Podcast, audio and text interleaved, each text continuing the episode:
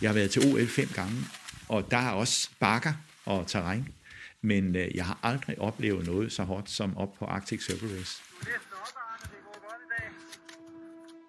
Du lytter til Mit Livssyn. En talkshow-podcast produceret af Dansk Blindesamfund, hvor jeg, Monika Kromeyer, er gæstevært. Jeg har fået fornøjelsen af at kigge ind i seks forskellige menneskers tilværelse og høre om deres syn på livet. Hvordan de ser det liv, når de faktisk ikke kan se. Og hvordan opnår man sine mål og vinder de store sejre, både over sig selv og i tilværelsen, når man har et synshandicap. Sæt dig godt til ret i den bløde sofa og lyt til seks forskellige mennesker og deres livssyn. Vi er på besøg hos Arne Christensen. Vi er i Virum, nord for København, i huset, hvor Arne bor sammen med sin kone, og de har to voksne børn. Arne er 67 år. De sidste 40 år cirka har han arbejdet som socialrådgiver på Instituttet for Blinde og Svagsynede. Arne omtaler sig selv som idrætstosse, og det har medført, at han har gennemført verdens hårdeste skiløb, Arctic Circle Race, for nogle år siden. Og det er slet ikke til at forstå, når man også får beskeden om, at Arne har været blind de sidste 25 år. Arne, tak fordi vi må komme ind i din stue. I er velkommen. Jeg har tænkt mig, at vi lige skulle begynde med, at du beskriver din hverdagsmorgen. Hvordan vil man kunne opdage, at du ikke kan se? Jeg gør ligesom du vil gøre det, Monika. Og det kan godt være, at der er et eller andet. Det bliver i hvert fald synligt, når jeg skal ud af døren med min hvide stok. Så kan man se, at jeg er blind. Men om man kan se det sådan for alvor inden da, kan jeg godt være usikker på. Hvis vi nu vender os til sådan nogle helt hverdagsting, som jeg har tænkt på, sådan noget som støvsugning. Er det noget, du begiver dig af med? Jeg er lige støvsuget, fordi du skulle komme her i dag, Monika. Og jeg håber, det er i orden. Det vil du tro, jeg gør. Øh, og øh, jeg gør ligesom dig. Jeg henter støvsugeren, og så går jeg i gang. Vi har en løber herude i gangen. Den støvsuger jeg måske først på langs, og så støvsuger den på tværs bagefter. Sådan så jeg er helt sikker på, at jeg har været over det hele. Det kan godt være, at det tager længere tid. Det kan godt være, at jeg kommer til at støde ind i et par sko, der står ude i gangen for eksempel. Mm. Men, men så må jeg lige ned og have, fat i og mærke med min hånd, hvad er det, der står der. Nå, det er et par sko, øh, dem kan jeg så lige også benytte lejligheden til at sætte på plads, og så støvsuge videre. Øh, og så, så er det klaret, så, så det kan du tro, jeg gør. Og hvis ikke det er helt i orden, hvis øh, min kone kommer hjem, og jeg har tørt køkkenbord af, hvad ved jeg, og så øh, hun kan se, når der, er lige, der ligger et eller andet på bordet der, og det tager hun lige og fikser, og så er det i orden. Overlader du nogle gange tingene til hende, fordi så er det nemmere? I en vis grad. Men øh, jeg har altid sat meget, meget stor pris på at være selvhjulpen og gøre de ting, som jeg kan. Øh, for det første, det er meget tilfredsstillende at kunne nogle ting selv, og være mindre afhængig af hjælp. Og så ved jeg også, at øh, uanset hvor meget jeg selv kan, så har jeg altid brug for hjælp til nogle ting. Og når jeg har hjælp, så vil jeg gerne kunne få den. Mm. Og øh, hvis jeg beder om hjælp hele tiden, ligger inde på sofaen, og nu vil jeg godt have mere kaffe, og jeg vil også godt have kage, og vil godt have gin og tonic og så videre, så er det ikke sikkert, at konen hun synes, det var sjovt ret længe. Du har kunnet se i begyndelsen af dit liv, men for en cirka 25 år siden blev du blind. Du fik som teenager det, der hedder RP, retinitis pigmentosa, har jeg læst mig frem til. Synsfeltet bliver langsomt indsnævret for til sidst at lukke helt, og det lyder jo aldeles hæsligt. Hvorfor får man det? Altså, det er en arvelig sygdom. Okay. Og øh, det er rigtigt. Øh, retinitis pigmentosa, det er en medfødt øjensygdom, som er særlig på den måde, at man typisk har grænsende til normalt øh, syn som barn. Og det har jeg haft. Jeg er født på en gård ude på Vestjylland og har haft en fantastisk barndom, synes jeg, med køer og grise og en rigtig lassihund, mm. og, og så øh, en rød handkat og hvad vi ellers havde. Gik i skole og øh, jeg spillede fodbold, og, og det gik på den måde udmærket. Så var det øh, der, da jeg var 13, 14, 15 år, at øh, jeg fornemmede, at der var noget med mit syn. Øh, når man har retinitis pigmentosa, så er man typisk også farveblind og natteblind. Nå. Og øh, jeg blev konstateret farveblind allerede i anden klasse, tror jeg. Det er lidt svært måske lige at forklare, men øh, med retinitis pigmentosa, så er det synsfeltet, der indskrænkes fra alle sider ind mod midten. Men det synsfelt, man har, der ser man øh, i hvert fald at, som barn, og det var tilfældet for mig, fuldstændig normalt. Okay. Så, så mit synsfelt har været indskrænket en anelse eller en lille smule, det har måske ikke rigtig haft nogen betydning. Men jeg tror ikke, det har været normalt.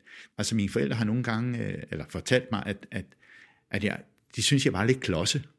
Ja. Øh, fordi jeg faldt over nogle ting. Mm. Og det voksede jeg nok fra, ikke også? Ja. Men jeg kan ikke udelukke, at det har været fordi, at de ting, jeg måske faldt over, det var ting, der var uden for mit synsfelt, så jeg ikke så dem. Præcis. En anden ting uh, i forhold til det med indskrænket synsfelt, det er, jeg har ikke nogen erindring om, at jeg kunne se noget i mørke, som jeg forstår, at andre kan uh, fornemme noget.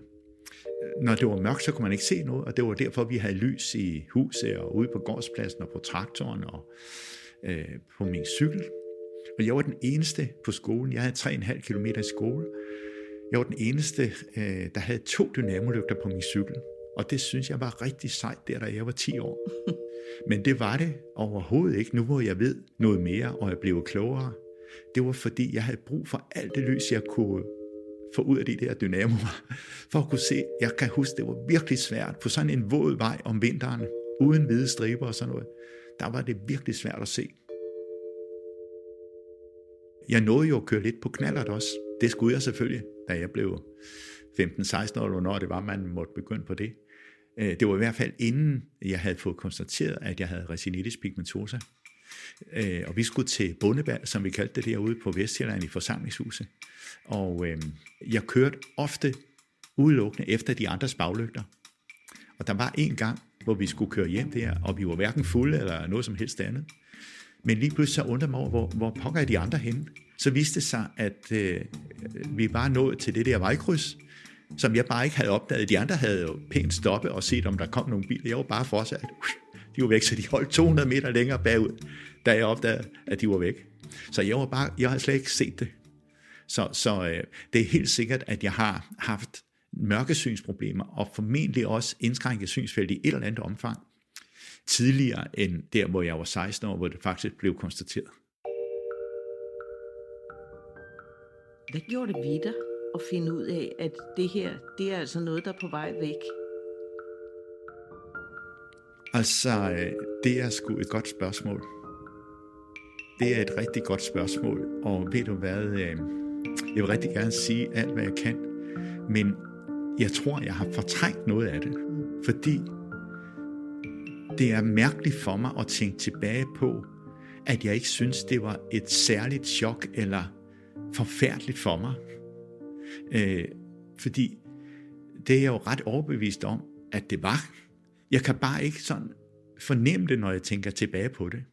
Og det er der måske også nogle grunde til. Øh, en grund kunne være, at mit syn var jo ikke blevet dårligere dagen før jeg gik til øjenlæge, eller en uge før.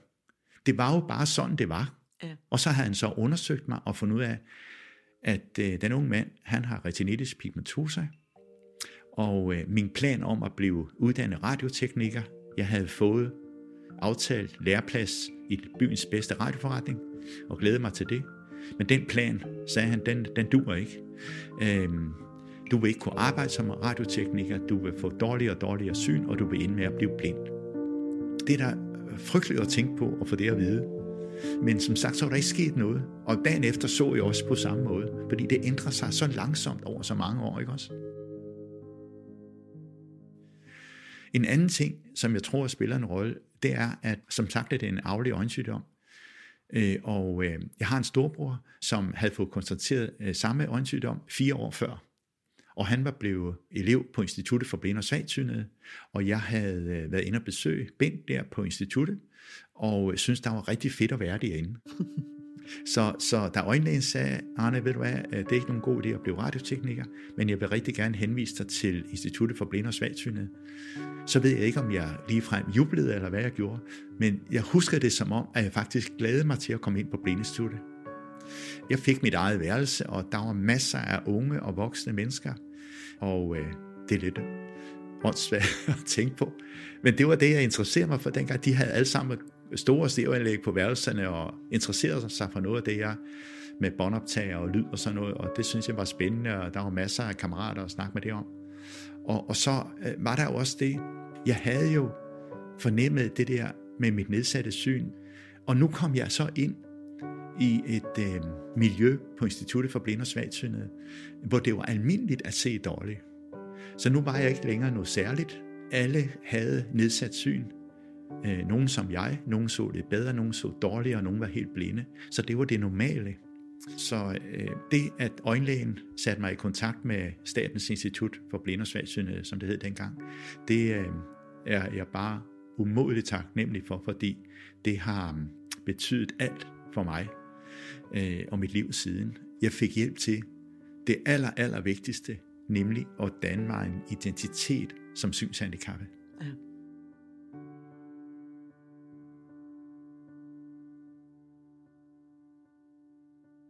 så var der også det særlige på instituttet, at der var en medarbejder, som var meget optaget af at give os elever oplevelse af, at vi kunne dyrke idræt.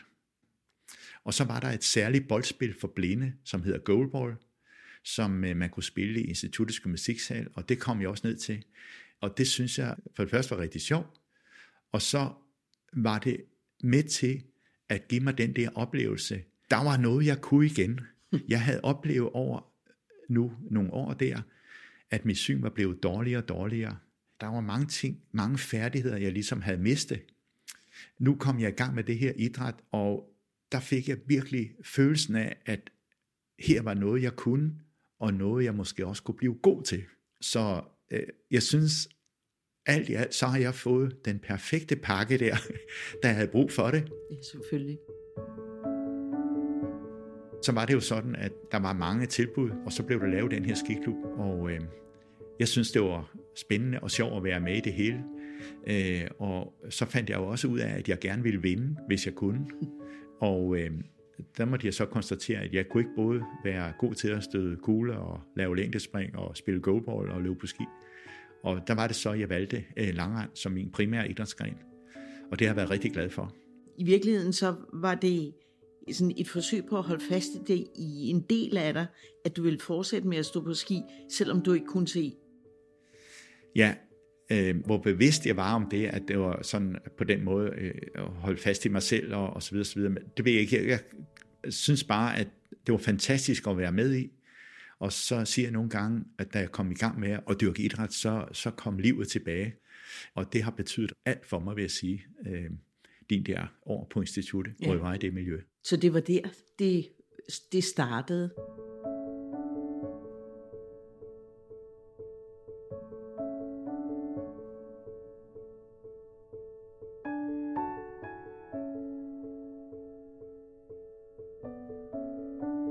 Jeg synes, vi skal gå til det allervigtigste i din historie, og det er, hvordan bærer man sig ad med at stå på ski, når man ikke kan se noget?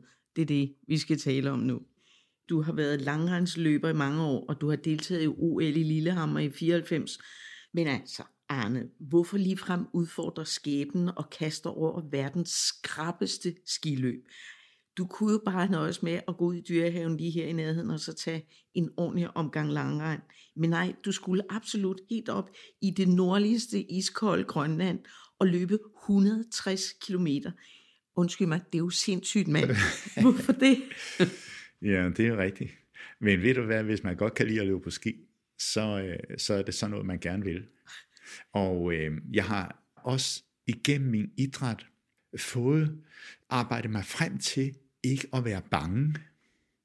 Men det var jeg jo engang, øh, da jeg startede med at løbe på ski og var stærkt svagtsynet, Altså, der kunne jeg skælne min ledsager, hvor han var foran mig. Det kan jeg jo slet ikke mere. Men øh, jeg har selvfølgelig faldet og, og været bange osv. osv. Men det jeg kommer over, det lyder måske mærkeligt, men, men jeg føler ikke, at jeg er bange for noget. Altså hvis, hvis øh, der er et eller andet, jeg tænker, jeg kunne tænke mig at gøre, så øh, er det i hvert fald ikke, fordi jeg er bange for at gøre det, at jeg ikke gør det. Så er der andre årsager til det. Øh, og da vi kom hjem fra Lillehammer der, som var øh, det seneste OL, jeg har deltaget i, så sagde Dansk Handicap Idrætsforbund, som det hed dengang, til mig, at øh, nu vil I ikke bruge flere penge på mig, nu er jeg blevet for gammel. Okay. Og det var jeg sgu lidt ærgerligt over. Jeg synes lige, det gik så godt nemlig. så øh, jeg kastede mig ud i nogle andre opgaver. Øh, så jeg har været den første blinde langrendsløber, der har gennemført Vasseløbet langt er langrendsløb over i øh, Sverige. Og tilsvarende Birkebeinerrendet op i øh, Norge på 54 km. Og øh, så har jeg jo været i det her langrendsmiljø i mange, mange år, og har kontakt med rigtig mange ledsager og skiklubber, jeg har været medlem af. Og de har fortalt mig om Arctic Circle Race, som er et helt enestående skiløb.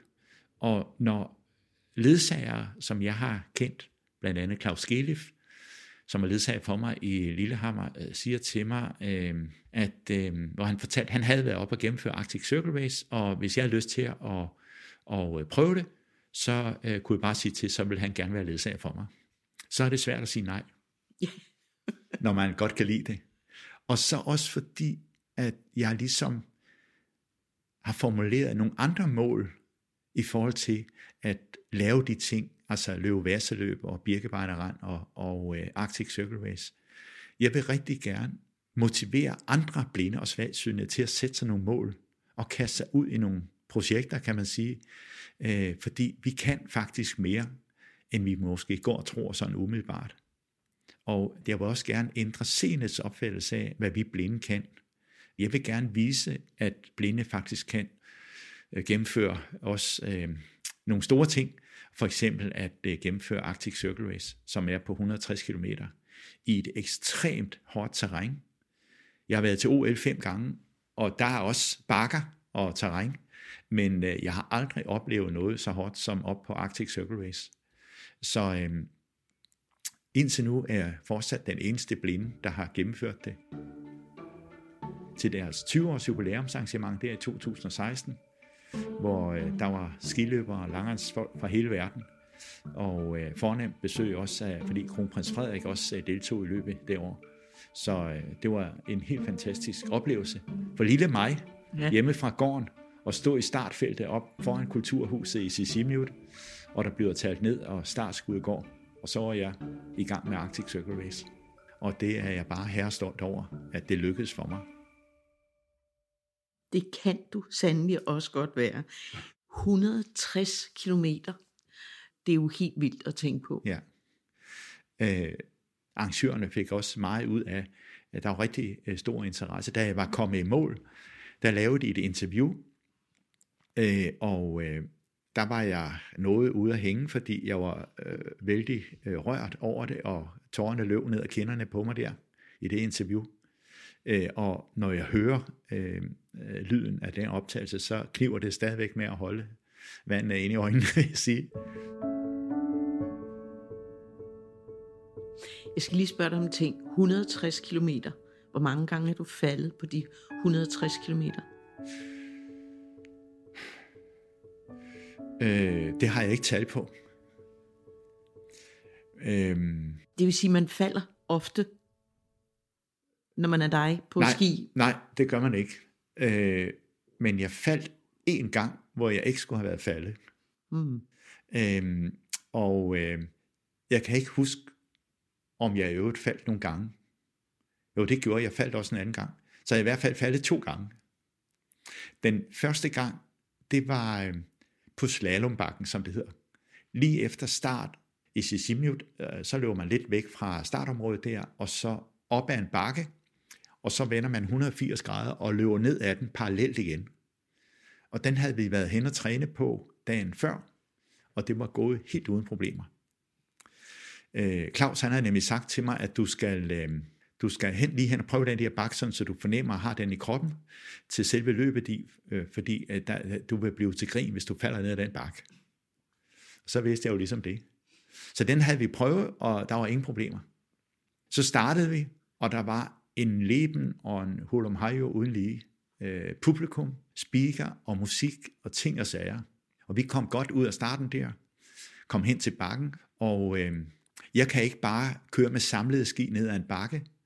Så jeg pløjede med begge ski, og min ledsager var lige foran mig, fordi der, hvor der er skiløbere, øh, rundt om en, øh, alle vejen havde jeg sagt, så er det meget vigtigt, at jeg er inden for 1-2 meter efter min ledsager. For hvis ikke jeg er det, så øh, er der nogle andre, der løber ind foran mig, og så mister jeg kontakten med min ledsager. Oh, ja. Så der er fuld øh, koncentration på sådan et tidspunkt her. Og så er det faktisk sådan, at jeg tror, at det var min egen skyld, jeg faldt, fordi jeg kunne høre starten og publikum og musik og speakeren længere fremme, 400-500 meter længere fremme, ned ad den der bakke. Og så fik jeg den tanke, hold kæft, hvad hvis nu jeg ikke kan høre Lars, når vi kommer derned? Ja, Og derfor faldt jeg, tror jeg. Fordi jeg var ukoncentreret om det, jeg var i gang med, i to sekunder måske. Og så var der også nogle andre bakker, hvor, hvor øh, altså når vi kører ned ad bakke der, øh, så, øh, og de er måske 100-200 meter lange, så står vi der og plover, og guiden han står foran mig øh, og øh, kalder på mig og siger, her, plov mere, det går stejlere ned, og her nu lidt til højre, lidt til højre. Og, og der øh, var øh, på et tidspunkt, der fik jeg den ene ski ud i brøjtekanten, som man siger, som er 20-30 cm høj, afhængig af, hvor Den meget sne gider der man er. ikke komme ud i. Nej, så den røg den ene ski ud af, og så ryger jeg jo med det samme. Så jeg er faldet, men, men øh, jeg tror ikke, jeg er faldet mere end nødvendigvis andre. Og så har jeg senere hørt, og det er jo, jeg ved ikke sgu ikke, om det er en trøst, men det er lidt sjovt at vide, at kronprins Frederik, han faldt også. Så jeg synes, det er okay, at jeg også lige måtte ned og ligge der.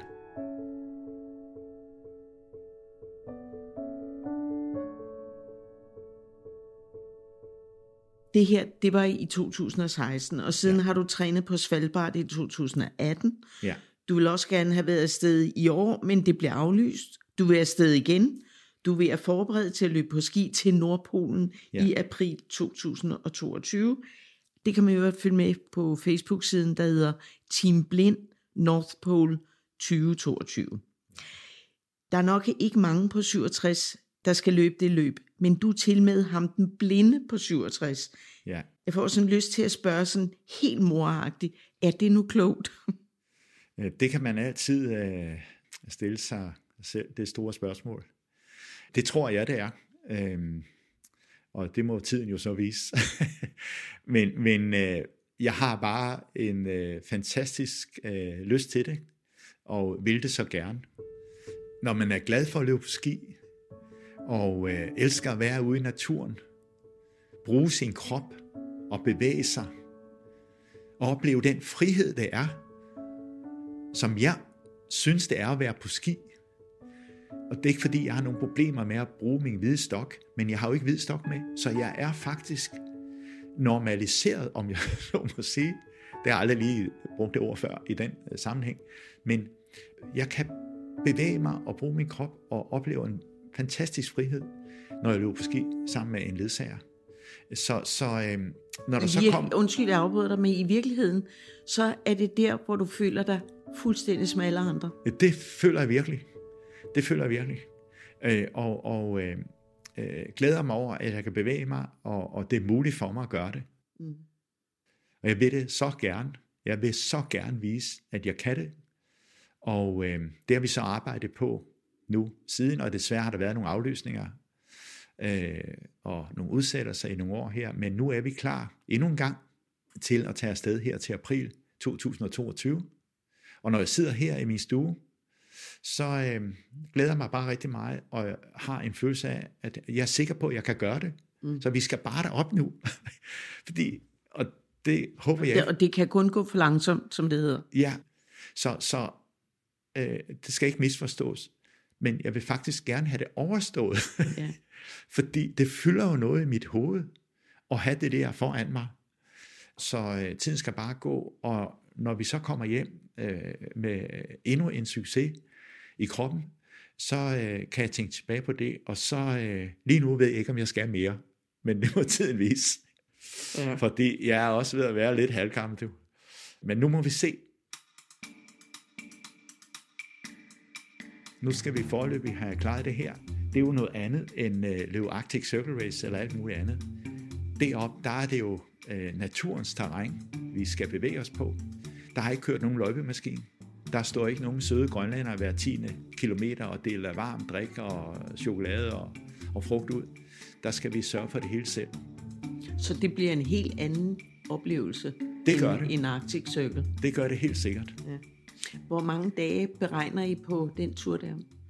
Altså selve øh, turen der fra den 89. 20. ind til den geografiske, det tager normalt mellem 5 og 7 døgn.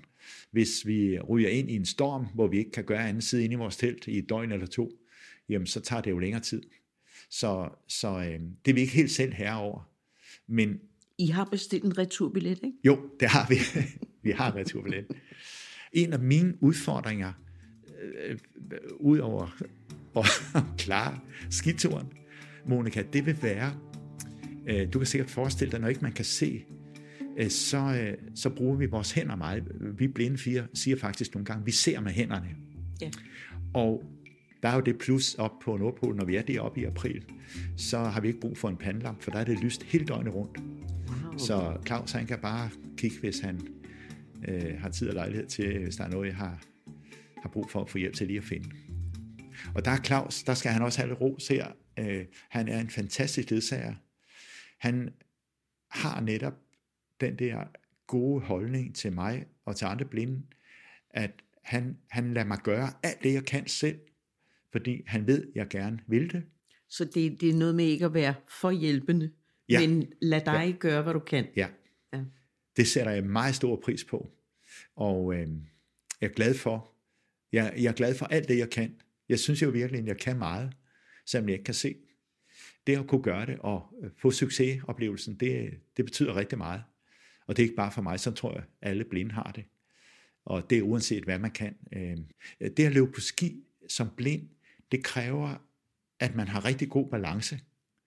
Og det har jeg jo haft fordel af, også i min hverdag, fordi det at have en god fysik, have god balance, styrke, reaktionsevne i kroppen, det er nogle gode ting at have, når man er blind og skal klare sig i den øh, strabaniserende hverdag. Så, så øh, øh, hvis der pludselig er et hul i fortog, eller en skæv flise eller et eller andet, så er det godt, man hurtigt kan reagere og holde balancen og, og undgå at falde. Øh, Og hvis man falder, så har man måske også en, en erfaring med at, at undgå, at, at det går øh, mere galt, end, end det jo nu, øh, nu engang skal. Så, så, så øh, jeg føler, at det er en god kombination for mig, øh, at øh, når nu det er sådan, at jeg er blind, at øh, idrætten har givet mig utrolig meget, og har også haft betydning for, øh, hvordan mit liv som blind har formet sig. Ja. Hvad har du fået ud af, at du gennemførte det der som den eneste blinde? Det kan man øh, sige meget forskelligt om, men det allervigtigste for mig, Monika, det er at vise, at jeg faktisk kunne det. Kom over stregen og mærke den der indre bekræftelse, som bare er så fed, at jeg kunne, og jeg gjorde det, og det lykkedes. Og øh, jeg har nået det mål, som vi havde arbejdet på måske i to-tre år. For mig personligt, jeg har haft en kæmpe oplevelse, og øh, så føler jeg også, at jeg har gjort noget for blindesagen, som man siger. Altså netop forhåbentlig bidrage til at inspirere andre blinde og svagsynede, og så også øh, være med til at vise verden i øvrigt, at øh, det er muligt at gennemføre verdens hårdeste skiløb uden at kunne se. Så øh, der er kommet rigtig meget ud af det.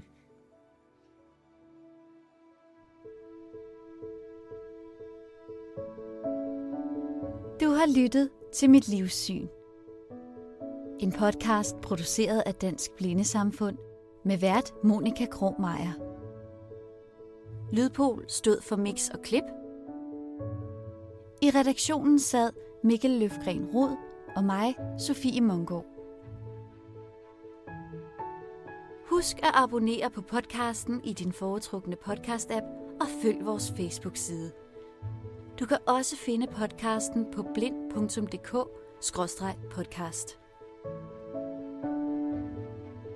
Vi lyttes ved.